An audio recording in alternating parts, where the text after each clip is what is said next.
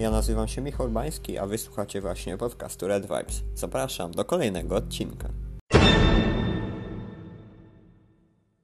Witamy bardzo serdecznie w kolejnym odcinku Red Vibes. E, Nie przez pomyłkę powiedziałem witamy, ponieważ dzisiaj są ze mną goście Mateusz i Dawid. Cześć, Cześć, Mateusz. witamy. E, Na wstępie chciałbym podziękować za bardzo pozytywny odbiór pierwszego odcinka. Praktycznie same pozytywne komentarze. Krytyka też się pojawiła, ale tylko konstruktywna. Także dziękujemy. W tym odcinku mamy dla Was konkurs, także zostańcie do samego końca, a my przenosimy się do właściwej treści odcinka. Panowie, za nami hit kolejki Premier League. E, Liverpool pod, podjął Leicester na stadionie King Power Stadium. Deklasacja i wygrana 4-0. W zasadzie pokaz siły. Oglądaliście to spotkanie? Oczywiście, że tak. Yy, Nie ukrywam, że kibice Liverpoolu mogli mieć obawy przed tym spotkaniem, ponieważ mm, powrót z Kataru, z klubowych mistrzostw świata i w krótkim czasie rozegranie takiego spotkania mogło się wiązać z ryzykiem, że ten mecz, że w tym meczu nie będziemy w optymalnej dyspozycji. No ale rzeczywiście zawodnicy rozwiali wszelkie wątpliwości i pokazali, że, że są no, kandydatem numer jeden do tytułu, tak, no bo to jest mecz z podstawowym rywalem w tym momencie No, w zasadzie masz rację, tak samo jak Klopp ciągle mówi, że zawodnicy Liverpoolu są y, mentalnymi potworami. Pokazy, pokazali już to nie pierwszy raz w tym sezonie, że udźwigną w zasadzie każdego rodzaju presję. Dawid, a co ty o tym sądzisz? No to ja na początku może powiem, że meczu tego nie oglądałem, ponieważ e, gdzieś tam czasu trochę nie miałem, a był to tak naprawdę mecz do jednej bramki, ponieważ Liverpool od początku zdominował drużynę Lisów. Był to, tak jak mówiłeś wcześniej, pokaz siły. E, Liverpool pokazał, że nie bez powodu jest liderem z tak o- ogromną przewagą i tak naprawdę może już powoli myśleć bardziej o Lidze Mistrzów niż o, e, o meczach w lidze. No, ponieważ e, ta przewaga gdzieś teraz 13 punktów nad Leicester, czy i potem 12 na, czy tam 14 na, nad Manchesterem City. plus jeszcze mecz zaległy. Mecz zaległy. Dokładnie, nie jest przypadkiem. No, wracając do meczu, był to kosmiczny mecz w wykonaniu e, Dajec. E, Wiadomo, piękna, bardzo dobra dyspozycja Arnolda, e, skuteczność w napadzie oraz e, zabezpieczenie obrony dało w tym meczu naprawdę e, pokaz Tak, umiejętności. wspomniałeś w zasadzie w skrócie o wszystkim, o czym dzisiaj chciałem porozmawiać. E, wspomniałeś teraz o defensywie, może do niej przejdziemy. Liverpool z najlepszą defensywą w lidze. Mm, Co warto wspomnieć, właśnie po tym spotkaniu, dzień później minęły dwa lata od transferu Van Dijk'a. Twarowski skomentował to kiedyś na, twi- na Twitterze, że 75 milionów to można zapłacić za Van Gogha, a nie Van Dijk'a. Ja myślę, że dzisiaj, jeżeli ktoś chciałby wyjąć Van Dijk'a z Liverpoolu, to możliwe, że musiałby zapłacić więcej niż za Van Gogha. Mm. Także y, jak wy skomentujecie świetną postawę w tym sezonie w defensywie The Reds? Yy, Odnosząc się jeszcze do Van Dijk'a, no to oczywiście nie powiem nic odkrywczego, mówiąc, że nie można było lepiej wydać tych pieniędzy. To się oczywiście okazało później, bo, bo początkowo ta kwota mogła przerażać. No, natomiast Van Dijk jest osobą, która no jest, jest spoiwem tego zespołu. Od samego początku, gdy pojawiła się na Anfield, obrony. poustawiała całą obronę naszego zespołu i wydaje mi się, że takiego zawodnika Liverpool już nie wypuści a będzie robić wszystko, żeby kreować kolejnych takich piłkarzy. Zresztą niezależnie czy obok niego gra Matip, Lovren czy, czy Gomez, wygląda to świetnie, więc przy tym zawodniku każdy obok rośnie. Mm, Więc ta defensywa robi się już stalowa. Mówiliśmy też o tym, że jest problem z utrzymaniem czystego konta na Enfield, ale w tym momencie mamy trzy czyste konta pod rząd. Też z klasowymi przeciwnikami, więc trzeba o tym pamiętać, że no po prostu Van Dijk będzie zawsze robił robotę. Okej, wspomniałeś o liderach w obronie. Czy twoim zdaniem, mm, y, jeżeli Liverpool chce, tak jak mówiłeś, kreować kolejnych takich zawodników, to widzisz teraz kogoś, kto nadawałby się do takiej roli? Czy twoim zdaniem potrzebne będą transfery? Ponieważ nie ukrywajmy, obrona Liverpoolu y, jeszcze kilka lat temu, no to był mem. Wszyscy się z tego śmiali i y, warto sobie tutaj zadać na pewno pytanie, czy mm, postacie typu Lovren, Gomez czy Matip są odpowiednimi obrońcami, kiedy właśnie Van Dijk wypadłby z gry. Mm, Myślę, że zastąpienie Van Dijk'a w każdym zespole byłoby trudne i gdybyśmy chcieli mieć zawodnika, który byłby w stanie yy, Wiadomo, nie jeden do jednego. z nim, z nim no może nie rywalizować o miejsce w składzie, bo to niemożliwe, ale z nim stworzyć duet marzeń, no to musielibyśmy pomyśleć o ściągnięciu chociażby Kulibalego. No a to wywiązałoby się z tym, że rola pozostałych obrońców byłaby bardzo mocno ograniczona, więc wydaje mi się, że nie ma potrzeby ściągania już środkowego pomocnika. E, dobrą decyzję podjął Klopp, ściągając jednego z młodszych graczy z wypożyczenia, z racji tego, że właśnie mamy kontuzję na tej pozycji. Natomiast warto zastanowić się nad bokami obrony, ponieważ tutaj James Milner może nie być już tak wydajnym zawodnikiem jak, jak oczywiście Robertson czy Trent Alexander-Arnold, więc Tak, szukałbym do, Mil- czegoś na do. Milnera też chciałem przejść, ponieważ warto mu oddać. Mówiłem w, w ostatnim podcaście, że Milner podpisał nowy kontrakt i powiedziałem, że mm, z pewnością czeka go jeszcze kilka udanych y, wystąpień w koszulce The. Tak też się stało. Y, Bramka z rzutu karnego w meczu z Leicester i wciąż potwierdza on wysoką dyspozycję. Wracając jeszcze na chwilę do poprzedniego tematu, Dawid, rozmawialiśmy nawet wczoraj o ewentualnym transferze Kulibalego. Czy y, też widziałbyś go w drużynie Liverpoolu i czy masz ewentualnie jakichś innych kandydatów, którzy mogliby zasilić obronę The? E, Szczerze mówiąc, według mnie, mimo wszystko, że tak jak wspomniał Mateusz, e, inni zawodnicy obrony akurat tutaj w środku mogliby być niezadowoleni przez co moje, ale w zespole mógłby lekko spaść. Wydaje mi się, że ten transfer mógłby być i właściwie byłby dosyć potrzebny, ponieważ właśnie trzeba patrzeć na długofalową perspektywę. Co jeżeli wypadnie Van Dijk? Mamy tutaj Lovrena i Gomeza. Wydaje mi się, że Gomez w tym momencie jest dosyć dobrym obrońcą, który dałby sobie radę. No ale Lo- Lovren, no to nie jest już ten sam Lovren, choć, chociażby rok temu. To trzeba teraz Świata. też wspomnieć, że i i i Matip są kontuzjowani. Dokładnie, dokładnie. Także no, jakby rotacja w środku obrony teraz e, bardzo spadła. Także plus jeszcze na takich obrotach, na jakich gra Liverpool w tym momencie, to jest walka o praktycznie każde trofeum, jakie jest w grze. Myślę, że przydałby się jeszcze jeden klasowy obrońca, tak żeby chociaż wzmocnić obronę. Okej. Kończąc temat defensywy Liverpoolu, chciałbym się Was zapytać, czy Waszym zdaniem Trent Alexander-Arnold jest obecnie najlepszym prawym obrońcą na świecie? Widzieliśmy w meczu z Leicester bardzo wysoka dyspozycja, dwie asysty, bramka, tego w zasadzie nie powstydziłby się napastnik, a co dopiero prawy obrońca. Ponadto w tym sezonie więcej asyst od młodego Anglika ma tylko Kevin De Bruyne, który ma ich 10, a Arnold ma ich 8.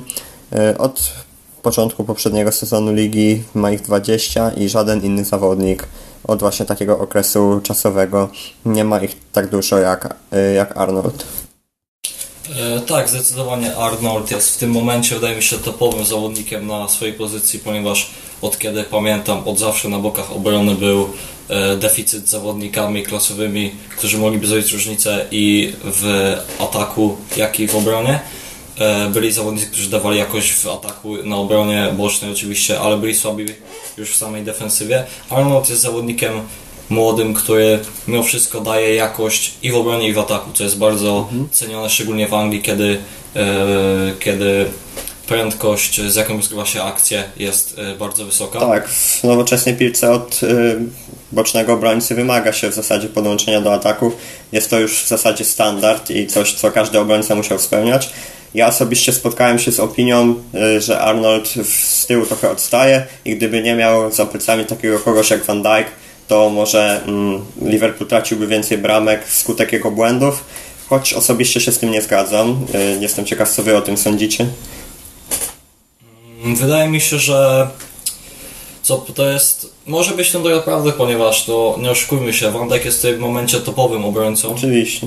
i no nieważne kto by grał na boku obrony, kiedy z tyłu zabraknie ci takiego monolitu, takiego lidera, którym jest, e, jest e, Van Dijk, na pewno cała drużyna tym traci, na, na pewno nie był Zresztą w obronie nie grają cztery, y, grają zawsze cztery osoby, a nie y, trzy na przykład, także ciężko w ogóle rozważać, co by było gdyby. Trzeba też patrzeć na zawodnika nie pod kątem samych umiejętności, tak jakbyśmy w FIFA y, określili sześć jego atrybutów i przypisali je do każdej drużyny tak samo.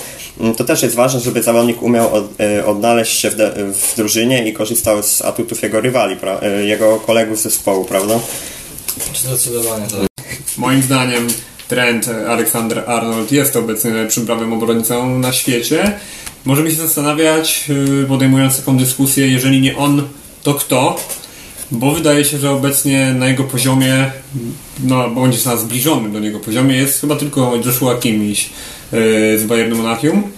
Nie mam innego kandydata. Możemy teraz dywagować na temat jego umiejętności defensywnych, bo rzeczywiście w momencie, gdy rywale tworzą sobie jakieś groźne akcje, to często dzieje się to stroną Arnolda. Tak e, przykłady mieliśmy na przykład w klubowych mistrzostwach świata. Gdzie skrzydłowi Flamengo mm, tam nieźle bawili się z Arnoldem, natomiast to akurat nie był jego najlepszy mecz w jego wykonaniu, a ale na co dzień zdecydowanie topowym obrońcą jest i wydaje mi się, że to jest obecnie numer jeden na świecie. Idąc o krok dalej, możemy się zastanowić, czy Andrew Robertson nie jest najlepszym lewym obrońcą na świecie, bo tutaj też właściwie jest jeden, chociaż dwóch y, kandydatów na to miano w mojej ocenie i będzie to oprócz niego y, Jordi Alba z Barcelony i Aleksandro z Juventusu. Pytanie, czy kogo wolelibyście mieć w składzie? Y, I odnośnie prawego obrońcy i lewego, czy byłby to Joshua Kimmich na prawej, czy Arnold? Bądź, y, wracając do lewej, Andrew Robertson, Jordi Alba czy Aleksandro. No to tak jak powiedział Mateusz, e, podkreśla tylko to, co powiedziałem wcześniej, że na bokach obrony zawsze był deficyt. Jest tych zawodników jest mało, ponieważ futbol strasznie się zmienia. Mimo wszystko, że pozycja to jest obrońca, jednak wymaga się od zawodnika więcej gier do przodu, przy tym zachowania solidności w defensywie. Oczywiście Robertson e, tak naprawdę w zeszłym sezonie pobył jakiś rekord związany z asystami, tak mi się wydaje. E, razem z Arnoldem oczywiście. Mm, Także no, to tylko pokazuje siłę Liverpoolu i to, że na bokach obrony tak właściwie e, potrzebnej pozycji teraz w futbolu, kiedy każdy, większość drużyn ma problem z obstawieniem, no ma dwóch tak naprawdę graczy, którzy jeżeli nie są najlepsi, to biją się o to miano. Mhm, Podpisuję się pod tym, co powiedzieliście. Moim zdaniem e, te dwie pary, mm, biorąc pod uwagę też Kimisia i Albę, no to jest tak, że mm, jest Arnold i Kimiś, długo, długo nic i tak samo Jordi Alba i mm, Andy Robertson. Okej, także mieliśmy teraz przy, przyjemność pogadać o najlepszych zawodnikach na świecie, także przedłużmy to trochę, e, ponieważ bez wątpienia takich wymaga gra w, Lidze Mistrzów, więc chciałbym Was zapytać, e, po, powiązać trochę dwa pytania, które dla Was przygotowałem i zapytać Was, czy Mistrzostwo Anglii jest już rozstrzygnięte, czy Liverpool ma tak dużą przewagę, że może sobie pozwolić teraz na e, myślenie o Lidze Mistrzów i obronieniu tytułu. Moim zdaniem Liverpool może sobie na to pozwolić, ale na pewno tego nie zrobi, ponieważ y, miasto tak pragnie tego Mistrzostwa Anglii, że y, wydaje mi się, że Liverpool nie odpuści już tego i do końca, dopóki matematyczne szanse będą miały jeszcze inne ekipy na, na wyszarpanie nam tego tytułu, to nie zrobią tego piłkarze. Yy, Natomiast, no jeżeli miałbym szczerze powiedzieć, czy moim zdaniem to jest ten sezon, to tak, to jest ten sezon. Ciężko sobie wyobrazić sytuację, w której Liverpool wypuszcza 13 punktów, a czy możemy już mówić, że 16? Zdecydowanie masz rację, presja na zawodnikach jest bardzo duża i są w takim gazie, że też myślę, że niczego nie chcieliby odpuścić e, w kontekście, walce, w, kontekście walki o kolejne zwycięstwo. Dawid, jak ty się do tego odniesiesz? Szczerze mówiąc, wydaje mi się, tak jak podobnie jak wy, że mm, o ile nie wydarzy się jakaś katastrofa, to mistrzostwo trafi e, na Anfield. Po tylu latach posłuchy nie wydaje mi się, żeby tak szczerze mówiąc cokolwiek mogło zagrozić e, Derec, ponieważ i zespół gra dobrze, wszystko na to wskazuje, że mistrzostwo w końcu będzie. Okej, a uważacie w takim razie, że bardziej Liverpoolowi zagraża Leicester czy City w tym momencie? Ponieważ widzieliśmy e, wczoraj, dzień przed nagrywaniem tego podcastu, City straciło kolejne punkty z ekipą Wolves. E, Głupi błąd Edersona w zasadzie, ale nie, nie rozwodzimy się nad tym samym spotkaniem, tylko e, czyste pytanie, czy Leicester czy City? Szczerze mówiąc, pojedynek między tymi dwoma zespołami, kto chce dogonić Liverpool, wygląda bardziej kto nie chce tego zrobić, ponieważ obydwie ekipy tracą gdzieś głupio punkty. Raz wygrywa City z Leicester, wydaje się, że już, już złapie się za pościg. Tutaj wczorajsza strata punktów w makabrycznych okolicznościach, ponieważ wygrywali przez 2-0. No, wydaje mi się, że tak naprawdę przeciwnikiem Liverpoolu będzie on sam i to jak on sobie poradzi z tą późniejszą presją narastających meczy, Okej, wspomnieliśmy już w takim razie o tym mistrzostwie. Mm, Sprawa wydaje się być rozstrzygnięta, tak samo e, myślę jak wy. Także co z tą Ligą Mistrzów? Czy myślicie, że Liverpool w tym sezonie może myśleć, czy może marzyć o obronie tytułu Ligi Mistrzów? Y, W mojej opinii ciężko jest dywagować na temat y, rozstrzygnięć Lidze Mistrzów już y, na tym etapie sezonu. Gdyby Liga Mistrzów miała się kończyć jakimś mini turniejem pomiędzy tymi zespołami, które zostały teraz w stawce, to zdecydowanym faworytem byłby Liverpool. Natomiast no, wiemy, że to jest tylko dwumecz e, w każdej fazie kolejnej, która już tam pozostała, bo jesteśmy już w fazie pucharowej. Czeka na nas Atletico Madryt, które na pewno nie będzie łatwym rywalem. E, natomiast no, nie ma takiej drużyny, która cieszyłaby się obecnie trafiając na Liverpool. I wydaje mi się, że na pewno mamy duże szanse na obronę tego tytułu. Aczkolwiek e, wszystko zależy od tego, jak zawodnicy będą wyglądać w dalszej fazie sezonu, bo wydaje mi się, że na ten moment sezonu Liverpool przejdzie Atletico Madryt, ale też te mecze będą się rozgrywać dopiero w lutym. Dlatego mm, Trzeba się wstrzymać. No więc według mnie Liverpool jest e, głównym z faworytów oczywiście na ten moment Ligi Mistrzów, tylko że wydaje mi się, że trudno powiedzieć na ten moment kto by mógł wygrać, ponieważ no jak wiemy me do meczy zostało jeszcze dwa miesiące, przez ten czas może zmienić się trener, może zmienia, mo- mogą zmienić się kadry, przede wszystkim może zmienić się forma i Liverpoolu i pozostałych drużyn, także ja bym jednak odłożył te e, tutaj typy w czasie, ale zaznaczył, że na ten moment Liverpool jest głównym faworytem do tego trofeum. W zupełności się z Tobą zgadzam, tym bardziej, że historia pokazywała już nam, że Liverpool często w tym okresie zimowym u- trapią jakieś problemy, zaczynają się jakieś zaczynają się po prostu schody do góry. Liverpool ma gorszą formę często w tym okresie, także mm, musimy poczekać z takimi dywagacjami, ale tak jak wspomnieliście, trzeba zaznaczyć, że Liverpool jest chyba największym faworytem do wygrania e, Ligi Mistrzów. Zgodzicie się tutaj ze mną? tak, Pozwólcie, że poruszę wątek Roberto Firmino. W ostatnim podcaście zarzucałem mu niemoc strzelecką i bije się tutaj w pierś, ponieważ dwie bramki strzelone w meczu z Leicester i trzy mecze z rzędu ze strzeloną bramką udowadniają, że jest on e, ostatnio w dobrej dyspozycji strzeleckiej. Chociaż mimo tego nadal nie zdobył bramkę jeszcze w tym sezonie na Anfield, ale myślę, że jest to kwestią czasu, aż tę klątwę przełamie. Stąd też moje pytanie do Was. e, Jak zapatrujecie się mm, w kontekście wysokiej formy strzeleckiej Roberto Firmino na transfer Takumiego Minamino? Czy Japończyk może sobie mm, szukać miejsca e, w podstawowej 11 Terec, czy musi jeszcze trochę poczekać na swoją okazję? Wiadomo, sprowadził go Klopp. Klopp nie jest trenerem, który takich, takowych okazji do, e, do pokazania się w pierwszym składzie nawet nie daje, zawod, nie daje zawodnikom. Y, ale mimo tego mm, szczególnie interesuje mnie, gdzie, gdzie wy byście widzieli dla niego najprędzej szansę wystąpienia na boisku. Tak, ostatnimi czasy Firmino łapie bardzo wysoką formę, właściwie e, kilka ostatnich meczów z bramką, co tylko utwierdza nas w przekonaniu, że jest to klasowy zawodnik, który idealnie wpasował się w koncepcję Kloppa, e, ponieważ no, Bobby nie jest typową dziewiątką, jest to zawodnik, który właściwie może grać i w środku pomocy, o bardziej oczywiście z przodu, może grać i na cofniętym napastniku oraz na dziewiątce. Wydaje mi się, że najlepiej on się sprawdza na, w roli e, cofniętego napastnika, właśnie w koncepcji Klopa, który robi miejsce dla skrzydłowych, którzy właśnie często wykańczają akcję za niego. Właśnie jest tym typowym killerem.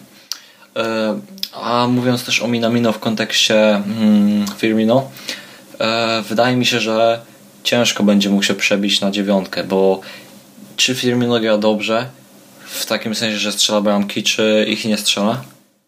I tak daje taką, daje taką jakość, której wydaje mi się, że nie jest do podobienia. Bobby jest w tym momencie nie do zastąpienia. A Minamino powinien szukać sobie miejsca gdzieś za jego plecami, jako taka dziesiątka, która rzucałaby piłki i byłaby dla niego wsparciem. W zupełności zgadzam się z Dawidem. Wydaje mi się, że Minamino jest idealnym zawodnikiem e, na pozycji numer 10.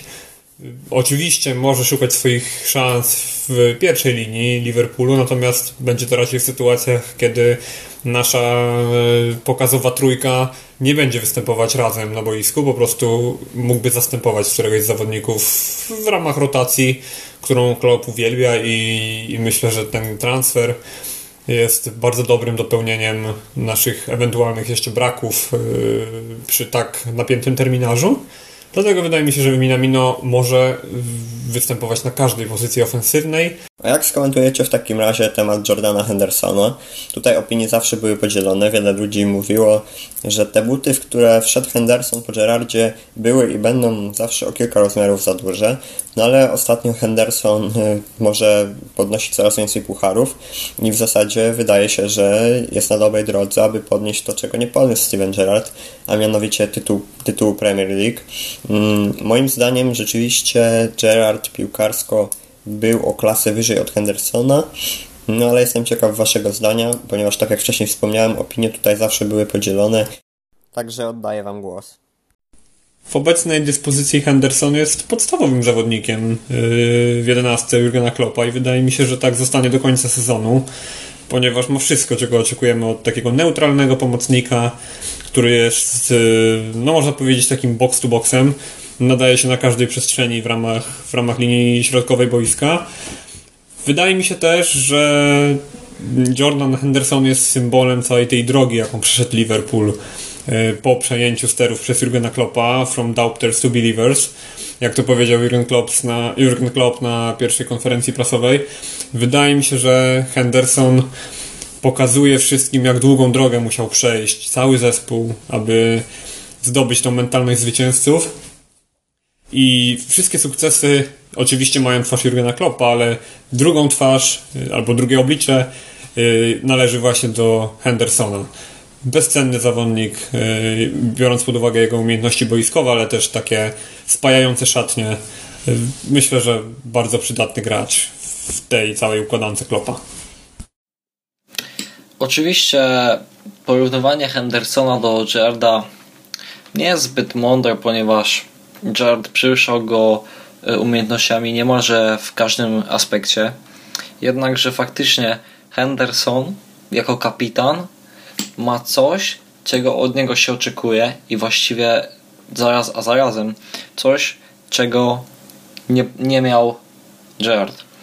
Są to właśnie trofea. Można teraz się zastanawiać, czy to jego zasługa, czy też bardziej drużyny. Moim, e, moim osobistym zdaniem jednak jest to zasługa drużyny, ponieważ no porównując jedenastki, w jakich występował, oczywiście po już tym, umówmy się, po 2008 roku, Gerrard, a obecną jedenastkę Liverpoolu, no to no, no, nie oszukujmy się, ta jedenastka, o ile w ogóle nie jest najlepsza przez ostatnie 15-20 lat, ale yy, to bije na głowę poprzednie, w których występował właśnie Steven. No, chociażby słynny mem napad Liverpoolu Borini Balotelli, to już chyba nigdy, to mnie chyba nigdy nie przestanie śmieszyć porównywując ją teraz do tej dzisiejszej, kiedy w napadzie są tak zawodnicy jak e, Mane, jak Salah, jak chociażby Firmino, którzy są wyceniani na ogromne sumy pieniędzy, no to jest przepaść i jednak wydaje mi się, oczywiście Henderson e, zasługuje na pochwały, ponieważ ja często powtarzam, że w drużynie Klopa nikt nie znalazł się przypadkiem. Każdy tutaj odgrywa rolę i oni wszyscy razem stanowią tą maszynę. Wydaje mi się, żeby, że gdyby wyciągnąć ich i porównywać do innych zespołów, zawodników z innych zespołów, wydaje mi się, że oni wcale nie byliby tacy e, tak wypadaliby dobrze. Oczywiście są indywidualności, tak jak Mane, jak Salah, którzy faktycznie są, zrobić, są w stanie zrobić różnicę, a środek pola Liverpoolu stanowi siłę jako całość. Drodzy słuchacze, obiecałem Wam konkurs i swojego słowa dotrzymuję. Nagroda jest myślę bardzo ciekawa, ponieważ jest to koszulka Liverpoolu z tego sezonu z podpisem Przemysława Rudzkiego. E, szczegóły konkursu znajdziecie e, na naszej stronie facebookowej Red Vibes. Mm, ten post będzie także pewnie udostępniony na naszej drugiej stronie Liverpool FC Polska. Mm, szczegóły konkursu są tam opisane, zasady są bardzo proste, także myślę, że e, każdy kibic Liverpoolu, który nie ma jeszcze takiej koszulki, z chęcią weźmie w nim udział. E, serdecznie zapraszamy. To wszystko od nas na dzisiaj. E, moimi Państwa gośćmi byli dzisiaj Dawid i Mateusz. Dziękuję Wam serdecznie za mm, współprowadzenie tego podcastu. Mm, dziękuję również, było bardzo miło. Dzięki wielkie, trzymajcie się ciepło, na razie. Witam wszystkich bardzo serdecznie w kolejnym odcinku Red Vibes. Dzisiaj jest ze mną Mateusz Cześć. i wspólnie dla Was podsumujemy y, ostatnie wydarzenia związane z Liverpoolem. Okej, Mateusz, zamknięcie okienka transferowego Minamino jedynym transferem Liverpoolu, także chciałbym z Tobą poruszyć kwestię, jak oceniasz jego wejście do zespołu i czy Twoim zdaniem Liverpool y, poczynił dostateczne wzmocnienia w tym oknie transferowym. Okej, w takim razie może najpierw odniosę się do, te, do końcówki Twojego pytania. E, Wydaje mi się, że Liverpool nie miał co liczyć na jakieś znaczne wzmocnienia, w tym sensie, że no nie ma takiego zawodnika, którego moglibyśmy wyjąć za rozsądne w realiach dzisiejszego rynku pieniądze. I zresztą rozmawialiśmy o tym przy ostatnim odcinku. Wydaje mi się, że Liverpool jest dostatecznie silny, e, aby walczyć o, na wszystkich frontach w tym sezonie. Jeżeli chodzi o Minamino, mm, no początek można powiedzieć, że szału nie ma. Natomiast no, pamiętajmy o tym, że na tym poziomie zawodnik na pewno potrzebuje czasu, aby zaklimatyzować się i wejść na odpowiednie obroty. Pamiętajmy, że Fabinho też przez pierwszych kilka miesięcy w ogóle nie wychodził na boisko, a Minamino jednak w tych spotkaniach gra. No oczywiście nie są to pierwsze skrzypce i nie jest to taki poziom, na, na jaki na pewno oczekują, e, jakiego oczekują kibice Liverpoolu. Mm, Tym bardziej jak widzieliśmy, jak grał w Lidze Mistrzów przeciwko między innymi naszej drużynie, więc wydaje mi się, że potrzebuje jeszcze trochę czasu, ale bądźmy cierpliwi, dajmy mu chwilę na to, aby złapał odpowiedni poziom. Jak najbardziej zgadzam się z Tobą. Ja od siebie mogę jeszcze dodać, że mm, moim zdaniem to okienko nie było szałowe względem Liverpoolu. Do, dopasowaliśmy się tutaj w zasadzie do okienka transferowego całej ligi. Nie oszukujmy się, te zimowe transfery zwykle są mniej spektakularne. Mniej spektaku... Dobra, nie umiem tego powiedzieć. Nie oszukujmy się, te zimowe transfery zwykle robią mniejszą furorę niż te letnie. I tak też było tym razem. Nie mieliśmy prawa oczekiwać niczego innego, bo sam Jurgen Klopp y, wspominał kilkukrotnie, że nie ma zamiaru w tym, w tym okienku wydawać jakichś olbrzymich pieniędzy na wzmocnienia. Mówiłeś o aklimatyzacji mm, Minamino. Ja od Ciebie mogę jeszcze dodać ciekawostkę, o której być może ktoś jeszcze nie słyszał. Y, Firmino specjalnie zamienił się miejscami z Minamino w szatni w celu lepszej aklimatyza- aklimatyzacji zawodnika. Dobra. Ciekawostka na temat aklimatyzacji Takumiego Minamino. Zamienił się on miejscami w szatni z Roberto Firmino. Jak wiadomo, mm, Minamino jest byłym zawodnikiem Red Bull Salzburg, tak samo jak Keita i Mane. Zwykle ta kolejność szatni mm, jest związana z numerami zawodników, po kolei 1, 2, 3, no ale tym razem Minamino z numerem 18 zajmie miejsce obok Keity z numerem 8 i Sadio Mane z numerem 10. Co do wejścia Minamino do Liverpoolu, w zupełności się z Tobą zgadzam. Nie ma szału, ale tak jak wspominałeś, zawodnicy potrzebują czasami trochę więcej czasu, żeby we, wejść na ten swój najwyższy poziom, więc w zupełności się tutaj z Tobą zgadzam. Miejmy nadzieję, że będzie tylko lepiej. Minamino debiutował w podobnych okolicznościach co Virgil van Dijk, pucharowe starcie z Evertonem. No niestety nie był to debiut w stylu Holendra. Nie podbił on jeszcze serc kibiców Liverpoolu. No ale liczę na to, że to zrobi, bo jest to bez wątpienia zawodnik, który ma ku temu aspiracje i możliwości.